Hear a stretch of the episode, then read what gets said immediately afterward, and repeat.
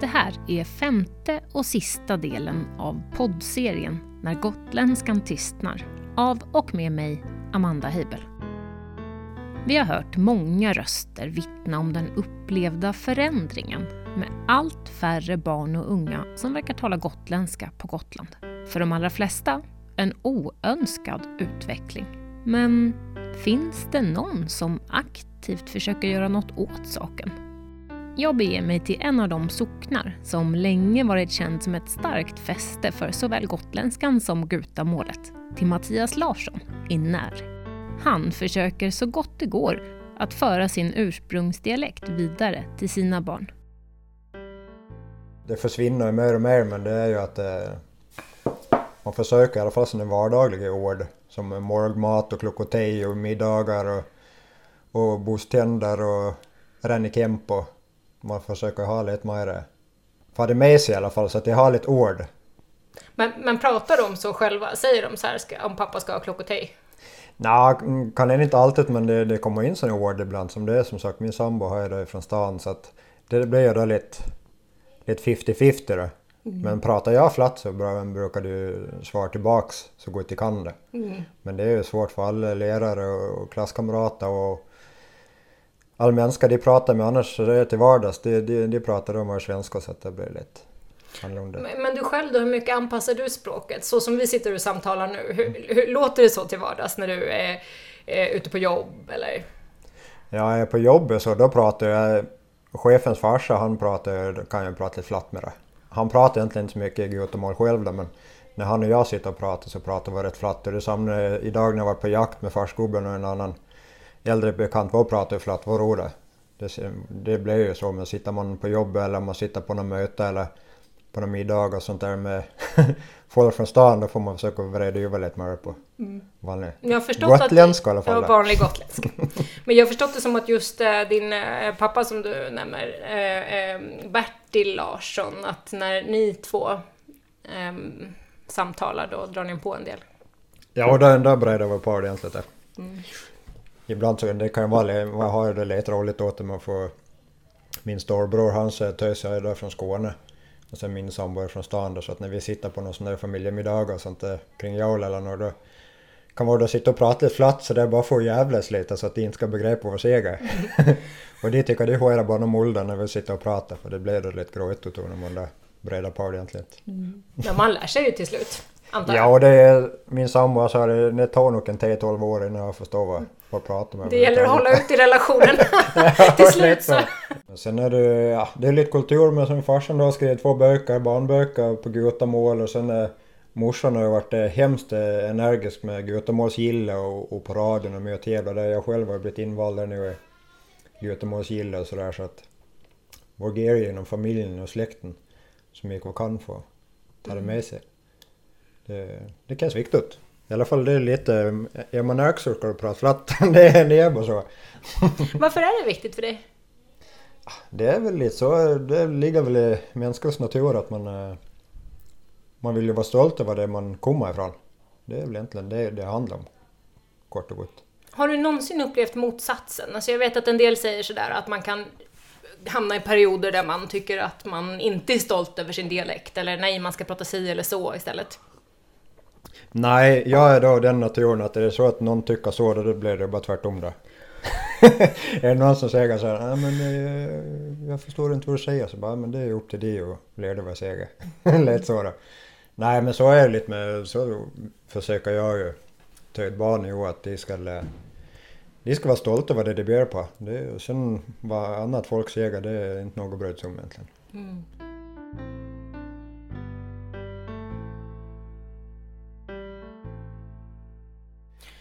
Men, men jag är så nyfiken på som dina barn, även om de kan en del av de här begreppen, har de, skulle du säga att de har en vanlig gotländsk dialekt? Lilltös jag har pratat, då kan hända, jag vet inte riktigt vad jag har fått på hem och på sig, men jag pratar nästan lite sådär riktigt Södermalms äh, stockholmska då. Hur kommer det sig då? Ja, jag vet inte, det brukar jag, brukar jag samma och på. Vad, vad, vad låter jag så för? Mm. Men eh, har jag väl egentligen samtidigt den som då är lite mer kan vrida över mm. ändå till gutamål. För att eh, ha det lite mer så pappas tösare. Mm. men eh, medan Sorken han är, sitter och så mycket på datorn och, och, spelar och ser på film och sånt där så han är lite mer alla säger så då. Mm. Men eh, den som verkligen kommer breda över mest det är väl egentligen tösare.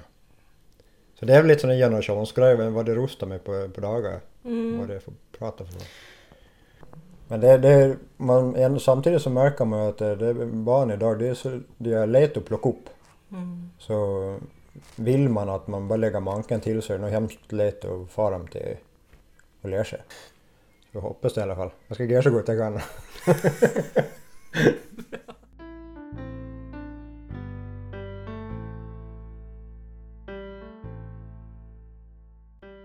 Acceptansen idag är ju liksom större. För jag menar när jag gick i fyra, femma liksom. Ja men då hade vi två killar, de var ju från Stockholm. Mm. That's it liksom. Eh, Medan min grabb nu som går i sjuan på Hemse liksom. Det är ju fyra, fem, sex olika nationaliteter i hans mm. klass. Därav lika många olika språk. Mm. Och sen försöker man då enas genom engelska då men samtidigt så har man acceptans idag att det är ju så det är bara. Att det kommer in nya kulturer, det kommer in nya språk, det kommer in nya ah, nationaliteter, you name it liksom så, så är man ju inte illa tvungen ska jag inte säga men det, det är så det funkar idag liksom. Eh, så då får man försöka att göra en acceptans av det och sen köra ja men alla har ett lika värde så men det här är också högt värde värderat att far vidare typ som gutamål för det här är ju ändå jag. Mm. Även om jag inte tvingar er att förstå mig när jag pratar gutamål så måste ni förstå att det här är något jag gillar, det här är något som jag härstammar ifrån liksom. Och sen uh, vad ni har för kultur eller vad ni har för språk eller hudfärg och allting liksom, det spelar ingen roll idag men huvudsaken är att man kan vara stolt över det man kommer ifrån. Det är egentligen det, det är där man behöver skapa acceptansen och det gör man för varje generation. Men liksom våra far och morföräldrar liksom, jag menar de, de gifte med någon tjej eller kille från grannsocknen liksom. That's it liksom. Mm. Eh, Medan idag så, så skapar de med familj med personer från världens alla hörn så att då blir det allting blir mer utspritt liksom både språk och relationer eller religioner och allting då så att eh, det blir svårare föra det vidare så men det blir väl kanske att man värderar det högre istället när det väl mm. blir gjort liksom lite som jag. Eh, så ser jag inte jag några problem med så länge jag kommer att prata gutamål så länge jag har någon att prata med liksom. Så det är inte så. Det är som min brorsa, äldst brorsa, han bor på fastlandet så han pratar liksom fastländska så men när vi pratar med varandra i telefon så är det gutamål som gäller. Mm. För att eh, han, han, det är ju lite hans hemlängtan liksom, det är att få prata med någon härifrån som pratar götemål. Liksom. Ytterligare ett steg gick Hillevi Knutas som inte själv talade gutamål hemma under uppväxten i Rone men som hade den överallt omkring sig och snappade upp så mycket hon kunde. Men det var först när Hillevi själv blev förälder som något verkligen slog till inom henne. Det var helt enkelt en känsla att jag måste lära mitt barn det här. Och då kände jag oj, då måste jag lära mig själv först ordentligt. Så att, eh, och då hade jag ganska mycket tid som föräldraledig så att, så att jag eh, undersökte mer och mer av det och, och lyssnade på väldigt många gamla såna här gutamålsprogram från Radio Gotland. Då kunde jag lära mig en hel del av språket i alla fall. Eller i alla fall av hur man uttalar, eller fler ord eh, och hur man, hur man uttalar och så eller i alla fall hur det ska uttalas. Sen är det inte säkert att jag pratar riktigt rätt. Men, men, var... men det, det, var, det var intressant att det faktiskt bara slog till som en blixt. Vad var det, liksom, varför tror du att det kändes så viktigt för dig?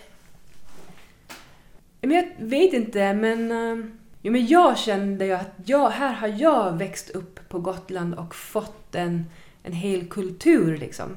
Och eh, fått allt det här och fått de här eh, rötterna liksom som jag ändå har haft så mycket nytta och glädje av verkligen att, eh, att känna det. Så varför ska jag då eh, eh, lära upp mitt barn att bara prata ja, men på ett sätt som inte jag själv gör? Liksom. Och, men också att, att lära han, han säger det var min son som kommer först, eh, lär han det här eh, gamla varför inte, liksom, då kan han också ha en chans att förstå. Liksom. Mm. Men, och, men hur, hur gick det då? Du började lyssna och ta in, lära fler ord, öva själv på melodin för att själv bli bättre på gutamål. Hur, hur gick du vidare? Eh, jo, men jag eh, blev medlem i Gutamålsgillet till exempel. Och det har varit så också i, i mitt jobb eh, att jag har kunnat använda gutamålet eh, väldigt mycket. Som kantor? Ja, men precis. Hur då? Att de som jag... Ja, men de jag möter på jobb... Äh, men dels de i mitt arbetslag. Eh, eh, särskilt de som eh, alltid har varit klockare, eller många har varit faktiskt väldigt bra på och vi har brett på i lunchrummet och eh, folk har blivit väldigt glada när vi har hållit på och pratat med och tagit upp det så till slut så pratar folk mer gutamål. Hur låter det då? Hur låter konversationen med en klockare liksom, i lunchrummet? Ja, vad har du gjort idag då? Ja, vad har du gjort då? Fix med lagen lite och räfsa halv på. Ja. ja, jag ska ut och öva lite korko. Oh. vad fint. Och med barnen då? Började de prata gutamål? Eh, jo, delvis. Eh, men för jag, har, eh, jag gick vidare också genom att jag läste böcker för dem på gutamål. Så att fortfarande om vi läser en, en Bamse-tidning så eh, pratar Bamse gutamål. Bamse på gutamål? Ja, precis. Alla pratar gutamål i Bamse. Det kanske Gutamålsgillet skulle göra en specialutgåva i samarbete med Bamseförlaget. Jo men precis, jag har faktiskt skrivit till något, eh, till något förlag och undrar om inte de skulle ge ut den här bokserien på gutamål för det skulle vara så eh, häftigt. Men eh, sen har jag inte gått vidare med, med något sånt. Men, eh, ja, men, men det, det var ett lätt sätt för mig att eh, ta till mig gutamålet och börja prata det mer. Att jag läste en text högt eh, eh, och då var det för barnen så jag var tvungen att göra det bra också. eh, och eh, då på gutamål. Så då lärde de ju sig det. Då lärde de ju sig de här i alla fall de speciella orden helt enkelt. Mm.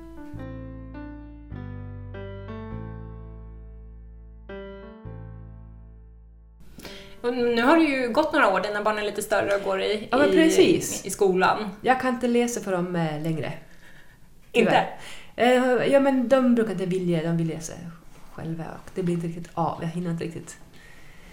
Nej, men, men i alla fall eh, mitt första barn, han pratade ju gutamål ibland och han kunde säga hela fraser till sin, till sin mormor på, på gutamål eller liksom vad han han önskade sin julklapp. Liksom. Jag, jag önskar mig en bostad.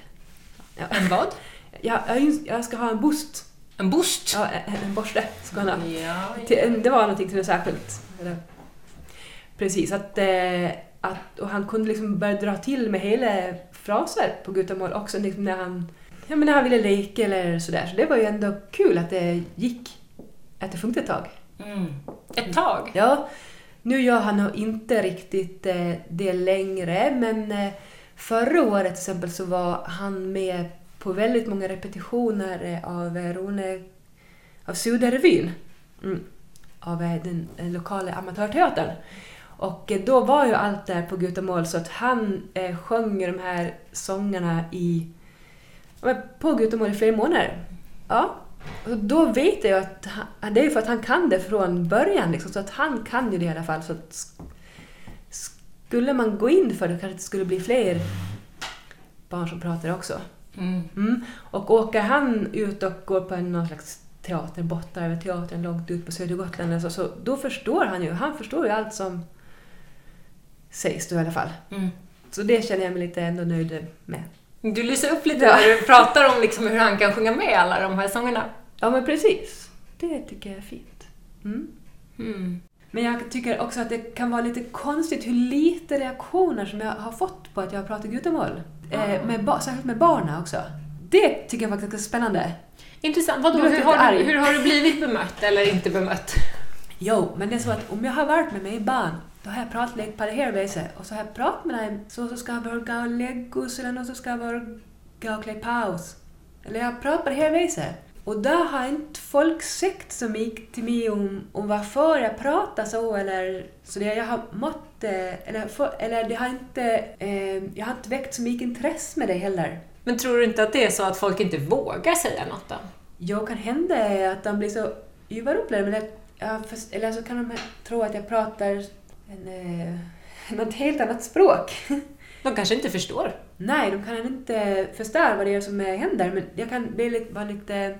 Det är väl någonting som jag har eh, tänkt på, jaha, eller att jag inte, eller att jag kanske har lett till att jag har fått lite svårare till Gerda, för jag har inte förstått eh, om folk förstår eller vad som händer när jag gör det. Ah.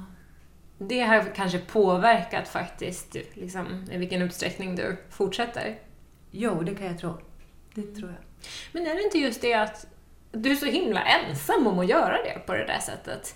Att det krävs ganska mycket om man ska göra någonting som du. Du är väldigt unik i det. Jag kan föreställa mig, jag har ingen aning, men jag kan föreställa mig att människor skulle bara gapa så här, vad hände här?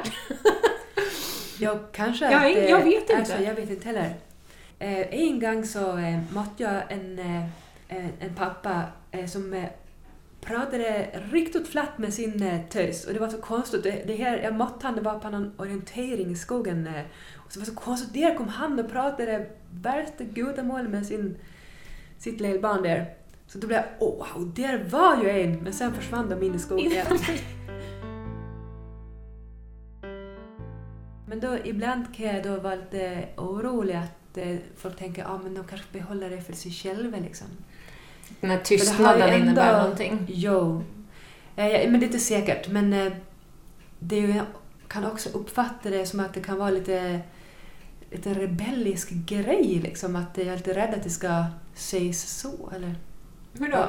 Jo, men att människor kan, ska tro att nej, men hon försöker bägge lite speciell eller så det är att, eh, eller det där är ju inte på riktigt, det är bara på låtsas att han försöker prata gutamål. Att sånt mm. kan jag till och med vara lite rädd för. Mm. Mm. Har du känt dig udda liksom? Absolut. Mm. mm. Det tycker jag är modigt. ja, det, får ju vara, det är ju som någon slags balans där att eh, antingen känns det jätteudda eller men det kommer nog lite grann eh, eh med åren att känna att det här var nog en ganska bra grej ändå. Att hålla tag i, tror jag.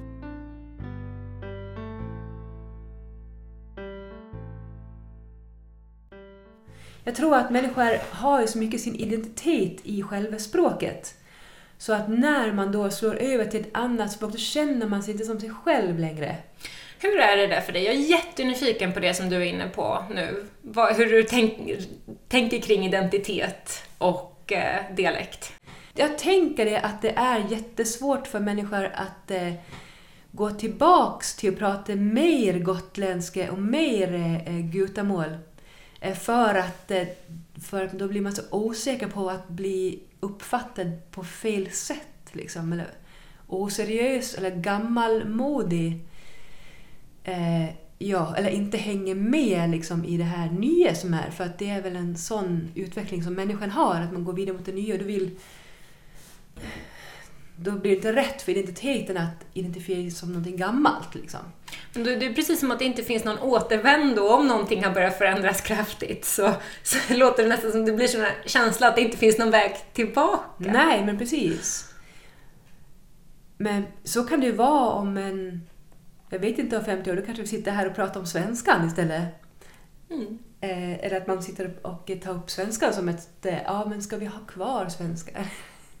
Eller att i så, fall, i så fall går det åt det hållet. Jag tror att det har med, eh, eh, med den här viljan att höra till att göra och det här med att eh, gruppidentiteten och det här att, att få vara med i gruppen, liksom att man vill vara med. För att om jag pratar med, mitt, med dem i mitt arbetslag, då vill jag ju så gärna höra till och känna att, att jag har en... Eller att jag tror att så är det i... Att det är en mänsklig... Att det är mänskligt. Att, om, att jag vill höra till där då. Liksom, och då, pra, då är det lättare att prata gutamål. Då kan vi ha det som en liksom in-group beteende. Mm. Helt enkelt. Mm. Och då så blir det lätt att där prata eh, gudamål. Men om jag ska liksom vara med i eh, prata i något annat sammanhang där folk knappt pratar gotländska så... Du går på föräldramöte kanske? Ja, men precis. Pratar du gutamål? Nej, det gör jag ju verkligen inte. Då blir det mer svenska.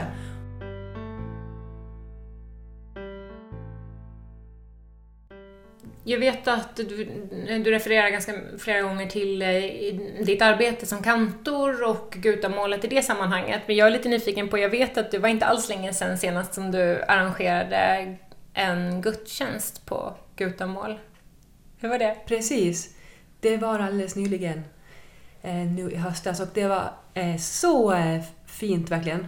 Och kyrkan blev helt fullsatt. Eh, jätte, sån härlig feedback. Det är det som jag möter så mycket när jag pratar gutamål och eh, försöker arrangera lite på gutamål, att folk blir glada och liksom lite till sig.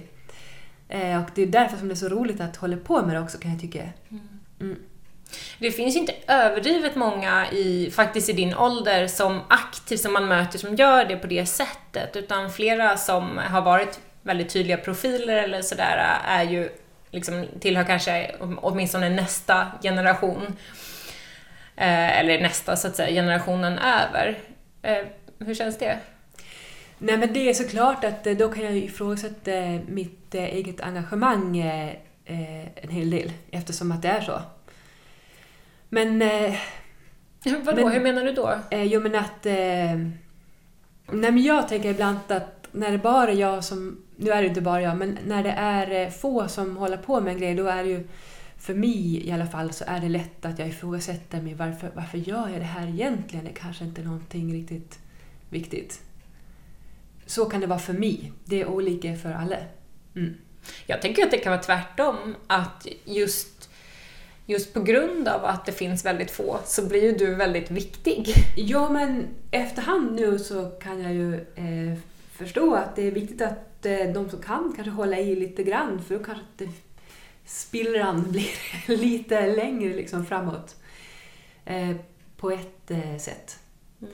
Men eh, återigen så är det ju det här med eh, in-group grejen, eller tillhörigheten, grupptillhörigheten och det kan ju också vara ehm, en... Ehm, ja, men jag tänker att det för min del det kan vara längtan att, eh, att hålla kvar det som, eller liksom var jag kommer ifrån. Ett sätt att eh, eh, fortsätta ha en identitet som, som Sudarbo, liksom, på ett sätt kan det ju vara så att då är det viktigare för att eh, jag tror det för att eh, desto längre eh, som eh, det verkar vara så ibland att desto längre människor flyttar ifrån eh, sin, eh, sin hembygd, desto ibland kan, eller desto sin kultur, desto viktigare kan det vara ibland att hålla fast vid den, tror jag. Jag har märkt det här på mig själv att när jag har flyttat tillbaks till Rone och Bush, då var det inte alls lika viktigt längre att prata gudamål. att så, en sån känsla fick jag. Men nu bor jag här i Visby och då kan det kännas liksom lite lagom viktigt så här. Och ibland så möter jag också möter sådana i sociala medier som eh, bor på fastlandet och längtar hem jättemycket. Och då kan det vara eh, eh, eh, väl ännu mer viktigt att hålla eh, sig lite ajour med liksom, gutamål eller sin kultur. Liksom. Det är en slags kontakt nästan med sig själv då? Ja, men precis. Så är Där man har varit eller där man kommer ifrån? Jag tror det. För att eh, om man tappar sin identitet måste man ju omvärdera vem är jag nu liksom, och det kanske kan vara... Det är någonting som många människor älskar tror jag, att hålla kontakt med, sin, eh, med sitt ursprungsjag på något sätt, eller med sin familj eller... Man känner kanske mer anknytning till sina föräldrar om man håller på med sitt språk liksom, eller, mm. eller med, med kulturen. Liksom, att, ja, men en kärlek till det man själv kommer ifrån.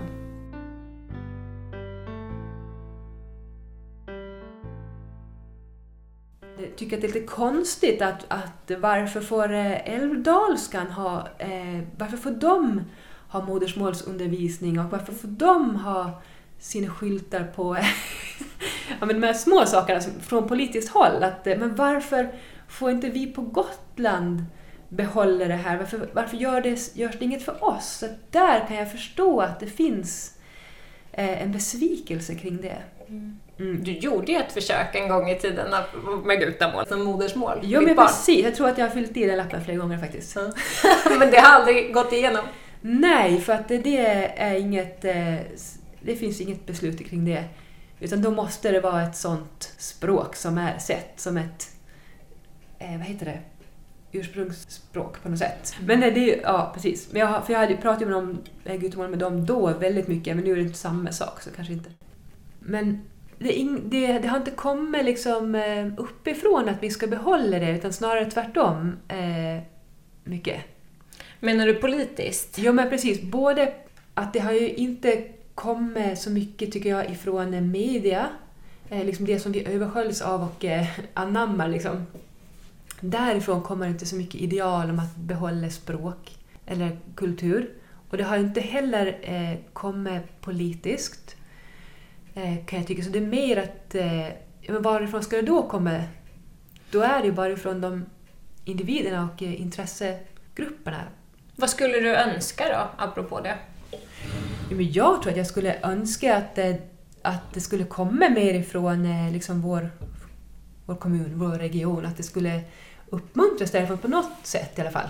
Eh, För det har jag inte upplevt eh, riktigt så mycket. Det skulle jag önska att det, att det uppvärderas. Men så känns det som att det är lite på. Att det är inte det vi prioriterar eller, eller det som prioriteras från, från politiskt håll kanske.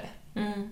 Men det är såklart jag först- att, eh, att det kanske inte är politik, eh, politikens uppgift, men vem ska ha som uppgift att, att eh, ta tillvara på det? För här står vi ju med ett helt språk som i förra generationen var, var väldigt levande och fanns, men som helt enkelt är på utdöende, vad jag tror. Hur känns det, tycker du? Eh, ja, men jag tycker att det känns eh, helt eh, okej. Eller vad ska man säga? Om jag ska tänka efter hur det känns att Gutamålet är på... Utan jag tycker på ett sätt att det är lite tråkigt att eh, hela världen där det fanns så många språk förut och dialekter att, eh, att allt bara blir samma. Att det blir eh, mer likriktigt. Att det var ju lite roligt tycker jag när det är lite mer eh, mångfald på olika sätt. Men jag kan ju förstå eh, hur det blir som det blir och jag vill liksom inte vara emot det på något sätt. Du vill inte vara någon som strävar emot den utvecklingen, eller? Nej, men eftersom att det är den utveckling som händer naturligt bland eh, eh, folk och i vår kultur så är det så det är bara helt enkelt. Mm. Och då är det som jag kan ju känna att det är lite tråkigt såklart. Mm. Men Men det är ju också frågan om vad vi som människor vill. För att det är det som jag tycker är lite svårt också. För det känns inte som att eh, människor i stort vill behålla det här språket eller det gamla, eller kulturen eller liksom så. Överlag i genomsnitt. eller är det bara att vi är så eh, påverkade av eh, vår omvärld och eh, det som vi ser på våra skärmar? det är verkligen så många som, som har gjort så, så mycket för det här och eh, försökt allt de kan för att eh, bevara. Och det har ju också på sätt och vis gjort skillnad, verkligen. Men för mig personligen så, ork, så orkar jag liksom inte vara arg, det är ju redan kört för det här. Ja. Så, så varför välja att, eh, att eh, stångas blodig liksom? Mm. Så kan jag känna i det. Att jag behöver inte lägga en, en stor värdering om, i om det här överlever eller inte. Men jag kan förstå att det, att det finns eh, den här, att, eh, att den här eh, stora kärleken kan göra att man faktiskt blir arg. Liksom. Och det är ju också lite... Eh, det blir ju ett uteslutande. När alla andra börjar prata på ett annat sätt så kan det ju bli ett... Att, att man själv känner sig liksom kanske gammalmodig då, eller utesluten. Och just med Gutamålet så känner jag så, för där har jag liksom accepterat lite. Nu är min nästa grej att, att när barnen eh, pratar, säger halva sina meningar på engelska, då kan jag bli så här provocerad. Så att då Mm. kommer det fram. Ska vi tända den här grejen eller har du redan delitat den? Och så vidare. Mm. Ja, precis. Men jag blir också arg för att inte jag, jag förstår ju inte riktigt vad de säger. Så att eh, då får jag väl prata mitt språk då. Mm. Men jag tänker att eh, Ja men att, att eh, acceptera utvecklingen som är åt alla håll och eh, så får vi bara helt enkelt göra det bästa vi kan för att eh, eh behålla det vi vill och, eh, och, och som närmar sig det från en eh, ja, men med ett förhållningssätt som är kul och som är roligt. Som om jag har eh, pratat med mina kollegor på jobbet på Gutamål så har jag jätteroligt. Mm. Och då gör jag det för att det är kul liksom. Och eh, inte för att det måste göra det, utan för att det är en, en härlig grej. Och det är mycket det är roligare att eh, se det så. Mm. Och så kan det vara många andra saker eh, också, att det inte känner sig tvingade att, att hålla på med det eller så, utan bara gör det för, eh, för att det är kul. Andra kulturella grejer också som bidrar till mångfalden, att se det från det hållet. Mm.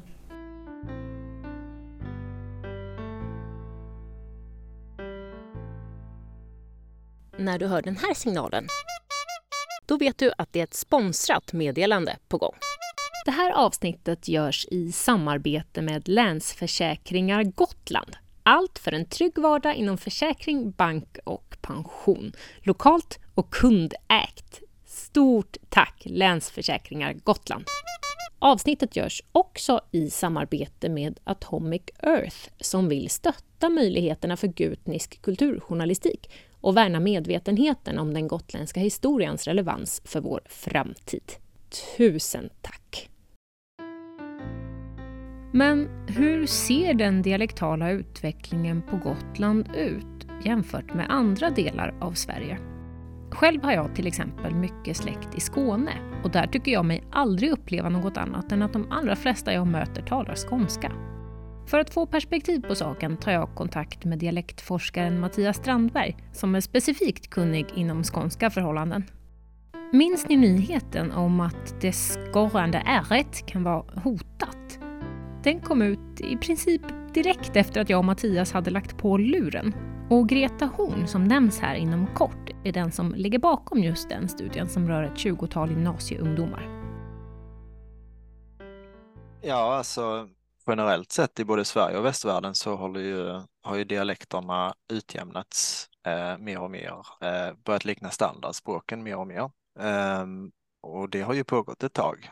Eh, och har ju accelererat kanske då under 1900-talet eller 18-1900-tal. Ehm, och så har de dialekterna har liksom regionaliserats så att de har större upptagningsområden och de mest utpräglade dialektformerna har lagts åt sidan. Ehm, Eh, och kvar blir då ja, eh, regiolekter talar man om ibland.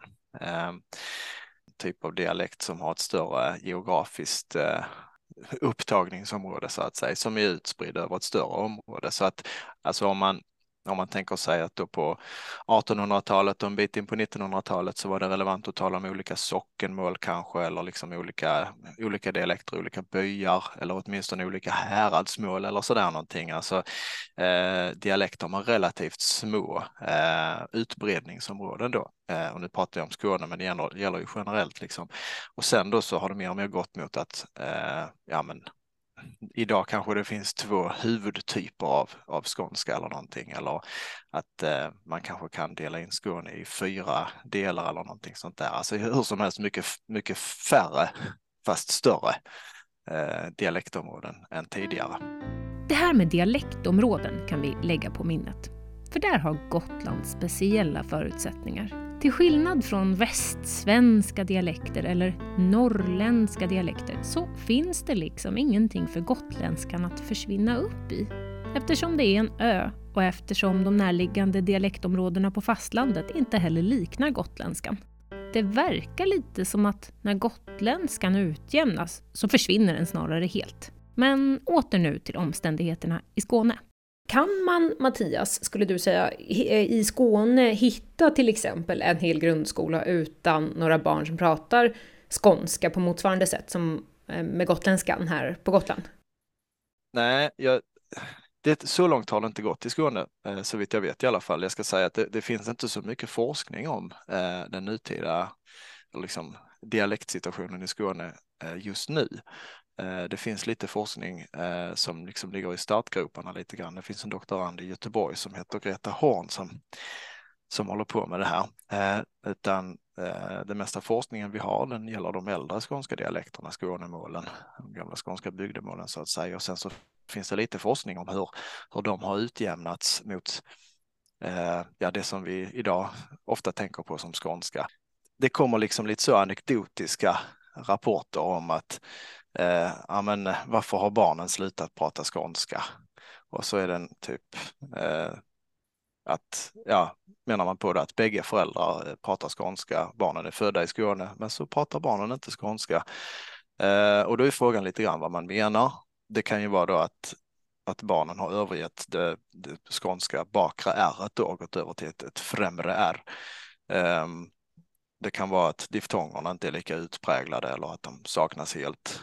Eh, det är inte helt ovanligt att det finns lite sådana blandvarieteter, att man har eh, en skånsk språkmelodi men att man saknar skånska diftonger och man har eh, främre R då liksom och sådana här supradentaler eller retroflexer, alltså som menar R och T eller R och S till exempel smälter ihop till ett gemensamt ljud som alltså som i gjort och bort och, och fors och så vidare, som vi ju annars traditionellt sett saknar i, i Skåne. Och så kanske vissa då drar slutsatsen att ja, men barnen pratar inte skånska längre, så det är inte säkert att de menar att de pratar eh, liksom som de gör på nyheterna, utan det, det kanske bara innebär att de pratar skånska på ett annat sätt.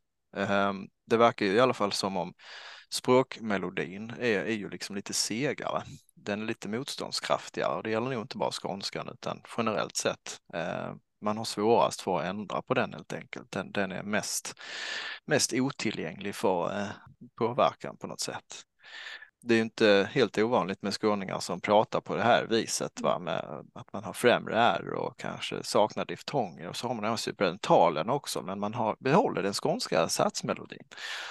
Motsatsen är ganska ovanligt däremot, att man talar med, med diftonger och främre bakre R, men, men, eh, men med central svensk satsmelodi. Det förekommer det också, men alltså särskilt kanske nyhetsuppläsare som så gör sig till och så vidare, eller har, har en speciell, anlägger en viss speciell stil eh, just i den genren, men, men det är ganska ovanligt ändå. Nej, så att olika sorters blandvarieteter och olika nya sätt att tala skånska förekommer, men det är svårt att, att, att tänka sig att, att eh, talspråklig variation, geografisk och social talspråklig variation helt och hållet skulle försvinna. Eh, det verkar vara någonting som alltid finns i, i talgemenskaper helt enkelt. Det är svårt att komma ifrån.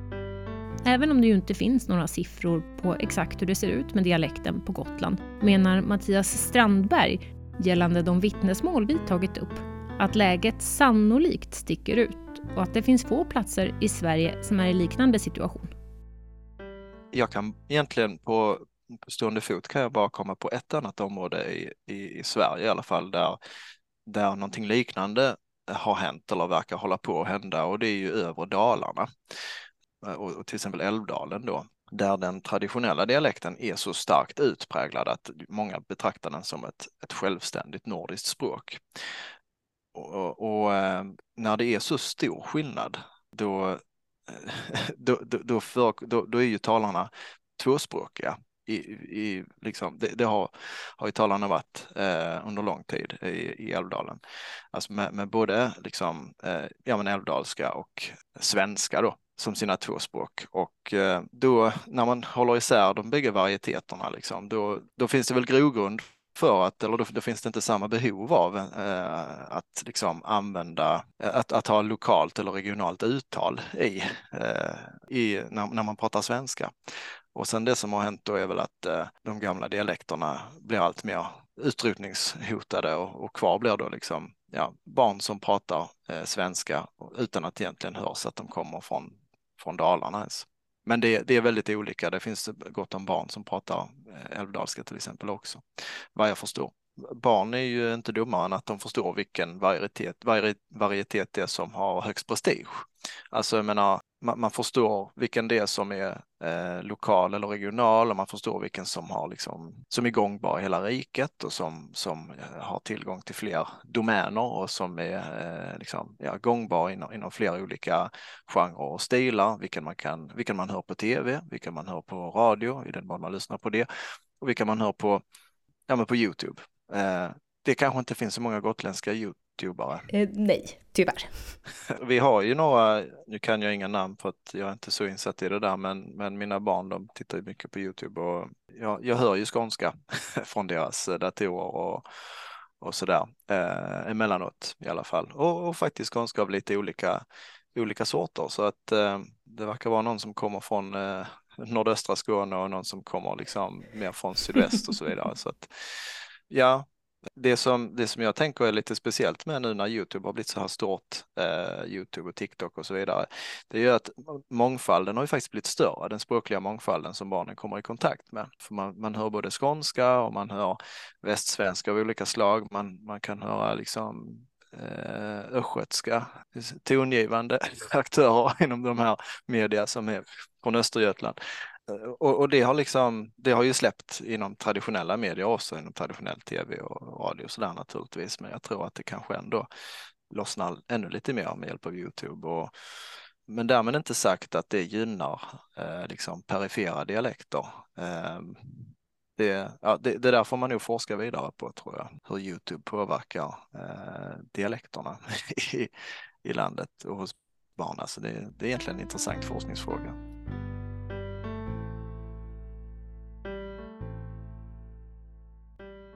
Sen kan man ju, man kanske kan göra lite förutsägelser när det gäller hur skånskan kommer att förändras. Det verkar ju som det främre är att det liksom håller på att gripa om sig lite grann. Återigen så saknas det ju forskning, men man hör ju ofta och ofta att eh, ja, ja, folk som eh, påstår att, eller pratar om att barn eh, lägger bort de bakre ären och så vidare. Um, och det kan ju bli så att det bakre äret så att säga blir en historisk parentes i, i, i den skånska eh, språk eller dialekthistorien.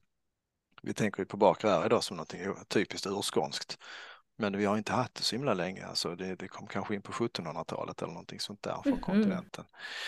Eh, och man kan faktiskt, man, vi har gamla dialektinspelningar från Skåne där man har främre R eh, och ga, gamla, eh, eh gamla eh, uppteckningar, upptecknade dialektord med, med landsmålsalfabet och ett slags fonetiskt alfabet. Eh, där man alltså hade eh, främre R eh, så långt fram i tiden som runt 1900 i Kivik till exempel. Så det hette rullebör. Det kan man inte tänka mm. sig då. Men det, det här bakre ärret, det, det, är inte så gammalt trots mm. allt. Det är klart att så som man hade det när man var liten, så när man växte upp, det, det tycker man att det, det, är så det ska vara. Det, det, det är ju inte en enda inte en enda generation i världshistorien tror jag som har sagt att vad duktiga ungdomarna är, vilka, vilka goda seder de har, vilket fint språk de har, utan det är ju liksom det var bättre förr. Alla borde vara som jag. Alla borde ha, få lov att ha det som jag hade när jag var liten. Ungefär. Va? Och eh, nej, men det är väl något allmänmänskligt kan jag tänka mig. Att eh, man, man upplever väl trygghet. Flera gånger har vi nämnt inflyttning till ön som en trolig faktor till ökad dialektutjämning. Och det tål att sägas att åren innan den här serien släpps har både befolknings och inflyttningsrekord slagits och fler har flyttat till Gotland än ifrån. Samtidigt har enormt mycket förändrats på senare år. På en del håll, som i Härvik där jag växte upp, finns det till skillnad från när jag var liten nu ytterst få fastboende. De flesta fastigheterna är sommarhus och många landsbygdsskolor, som till exempel Östergarn där jag gick i mellanstadiet, har också lagt ner under de här åren. Det är lätt att föreställa sig att det med åren finns allt färre ytor för en mer lokal dialekt att växa. Men det här betyder ju inte att det inte finns några skolor alls där gotländskan lever. Och grovt förenklat så kan man nog säga att koncentrationen verkar vara starkast på södra Gotland. Så nu ska vi få göra ett besök på Högbyskolan i Hemse. Ja, jag är Malmros från När. Hjalmar Malmros från När och? Alfons Karlsson från Etelem. Vilken klass går ni, eller hur gamla är ni? Jag går i 9-1. Mm. Ja, jag går i 9-2. Hur är det med gotländska i er egen familj och släkt och så? Vad säger du Hjalmar? Ja, min eh, morfar pratar ganska flatt men eh, när jag är i skolan så pratar jag inte så flatt men när jag är hemma så pratar jag flatt. Mm. Varför växlar du beroende på om du är i skolan eller hemma? Jag vet faktiskt inte. Det gör bara med miljön, alltså omgivningen. Mm. Hur är det för dig då Alfons? Ja, det är väl samma som Hjalmar där.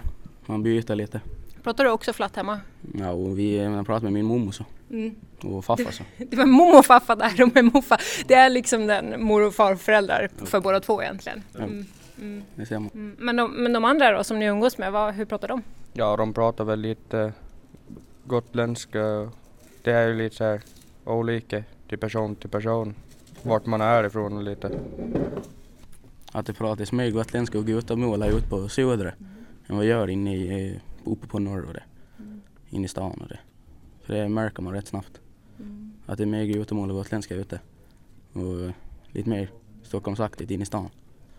Spelar det någon roll, tycker ni, hur man pratar, vilken dialekt man talar? Nej, det tycker jag inte.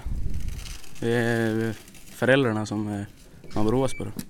Får man väl deras dialekt och blir det väl så. bara.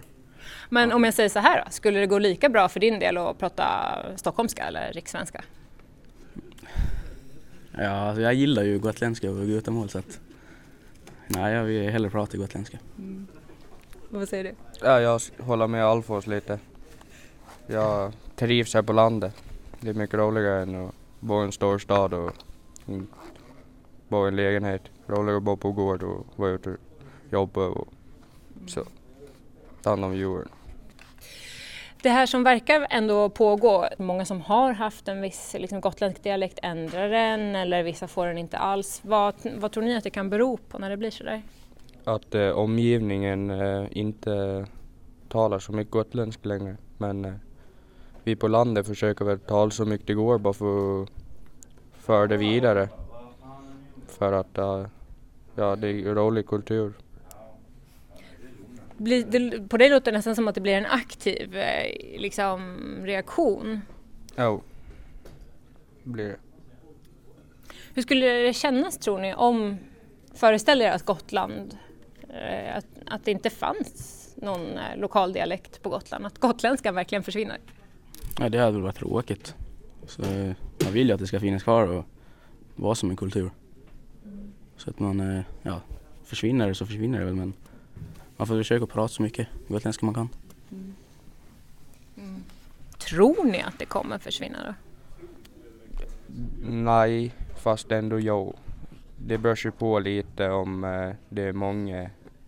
Det är olika om folk som flyttar hit som inte pratar gotländska och de som bor här och så. Men eh, om de vill föra det vidare så är det ju roligt.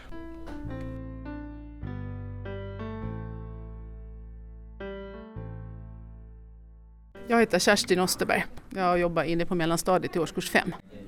Det är nog rätt blandat. Här på Hemse pratar man inte så... Ja, och visst pratar man har Gotlandsdialekten har man, men man kan inte ha så mycket ord som man har då. då. Upplever du någon förändring? Jo, eh, längre tillbaks när, när jag hade levat, jag jobbade i en annan skola på Irone så var det ju att man pratade mer gotländska än man gör här. Men det här är ju ett samhälle också. Jag kan tänka mig att det, de man pratar mindre. Sen har tiden ändrat det också, helt klart. Vi har eh, fler, fler lärare runt bordet i kafeterian. Vem sitter här då? Hardy Pettersson och jag är från Boss. Det ligger något på bordet framför oss också som jag tror vittnar lite grann om en profil som jag vet har på Högby funnits kvar angående att arbeta med gutamål och det gutniska. Jo. Vad är det här för något? Det här är då en, eh, en almanacka som eleven hade ett bilder till och det är per enhet en lärare som driver det här Göteborgsprojektet då. Och då är det 1 januari 2023, då är det ett ROS. Vem som har ritat det vet jag inte. Väldigt fina bilder får jag säga. Ja. Det ser man ju inte när man lyssnar på det här. Men Det är alltså gammal Götemål där. Vad är det här för någonting där Sorkar? Det är alltså gammal äh, gutniska skrivstil va? Som bara Alvengren kör. Ja, Nypan. Ja. Och på gutamål? Naupor. Ja, njaupar. Njaupar. det här utvecklades till ett förhör nu. Ja, precis. Nej, men sen har vi hört en annan rolig sak. Det här är gutnisk memory. Det har vi tagit alla med bilderna. Och ett vanligt memory då som till exempel Vad är det här för fisk? Ja, det är sild, alltså vanlig strömming då, eller sill. Mm. Och sen är det bottar, piggvar och sånt. Och det ska vi alltså sälja till hela Gotland så det kan finnas på alla skolor. Då kan man se så här, aj vad ligger silden hända? Eller vad är fagringsblommor? Då får man leta upp den här då så man ska sprida uttalet och så. Mm. Finns att köpa här på Högbyskolan. Ja, Då säljer vi in det. Perfekt reklamplats det här. Ja. För att återkoppla till den punkt där vi började i första avsnittet så är det värt att komma ihåg att varken gutamålet så som vi känner det eller gotländskan har funnits för evigt. Språk förändras och historiskt sett är gotländskan kanske en blinkning eftersom den i sin nuvarande form lär ha utkristalliserats under 1800-talet och nu kanske är på väg bort. Återigen, det finns ingen regelrätt forskning på det här och inga siffror att utgå ifrån. Men de uppskattningar jag har fått ifrån Gotlands grundskolor och de många samtal jag haft på ämnet ger i alla fall en viss bild. Något mer omfattande håller på att hända och det är inte, som jag allra först kanske trodde, mest ett Visby-fenomen. Även om Visby alltid stuckit ut mot gotländska landsbygden, dialektalt sett. Med den kunskap jag har fått genom möten relaterade till den här serien reagerar jag allt mer på sånt som tidigare kanske verkade smått. Så kallade domänförluster. Som när gotländskan försvunnit till och med ur Destination Gotlands säkerhetsfilm ombord. Det kan tyckas banalt, men i vilka sammanhang får dialekten höras framöver? Både för oss som bor här och för den som besöker Gotland. Och känslorna på ämnet svallar minst sagt. Dialekten bär på mängder av kunskap, en hel kultur, men också en stämning som kanske aldrig går att återuppliva om gotländskan försvinner. Så vilka faktorer verkar då ha påverkat gotländskans minskade utbredning? Jo, en liten grupp som i grunden talar gotländska jämfört med många andra dialekter. Ökad inflyttning utifrån. Tidigare hög utflyttning från ön.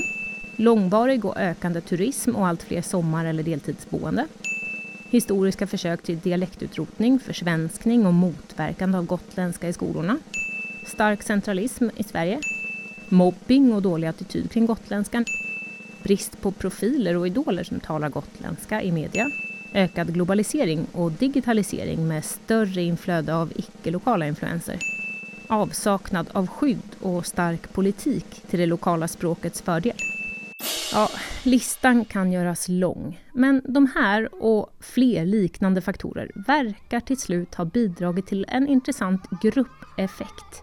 Förändringarna har pågått under lång tid, men till slut börjar det liksom tippa över det blir fler som inte talar gotländska än som faktiskt gör det. Och då verkar det plötsligt gå i rasande fart. Förändringen sker i de allra flesta fall när vi är barn och jag har lärt mig från flera språkforskare under den här resans gång att det i regel krävs tre generationer för en större förändring. Det vill säga min föräldrageneration som kanske i mångt och mycket pratar gotländska, min generation där många kan dialekten men där färre pratar den och så mina barns generation där den börjar försvinna helt. Återigen vill jag understryka att detta såklart inte stämmer överallt på Gotland eller för alla människor, men det verkar stämma för många.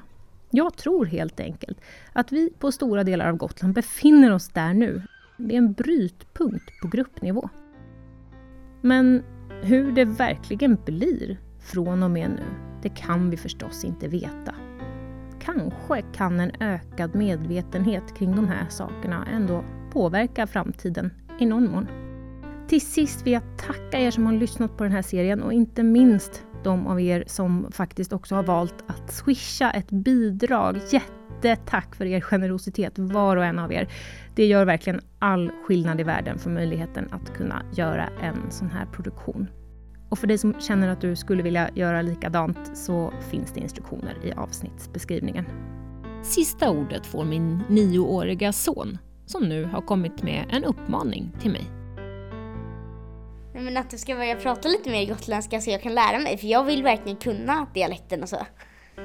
Bara för att eh, alltså, då kanske jag kan sprida det vidare så att den inte dör helt och hållet nu. Eller ja, snart i alla fall. Ja, ska vi börja idag då? Ja. Okej.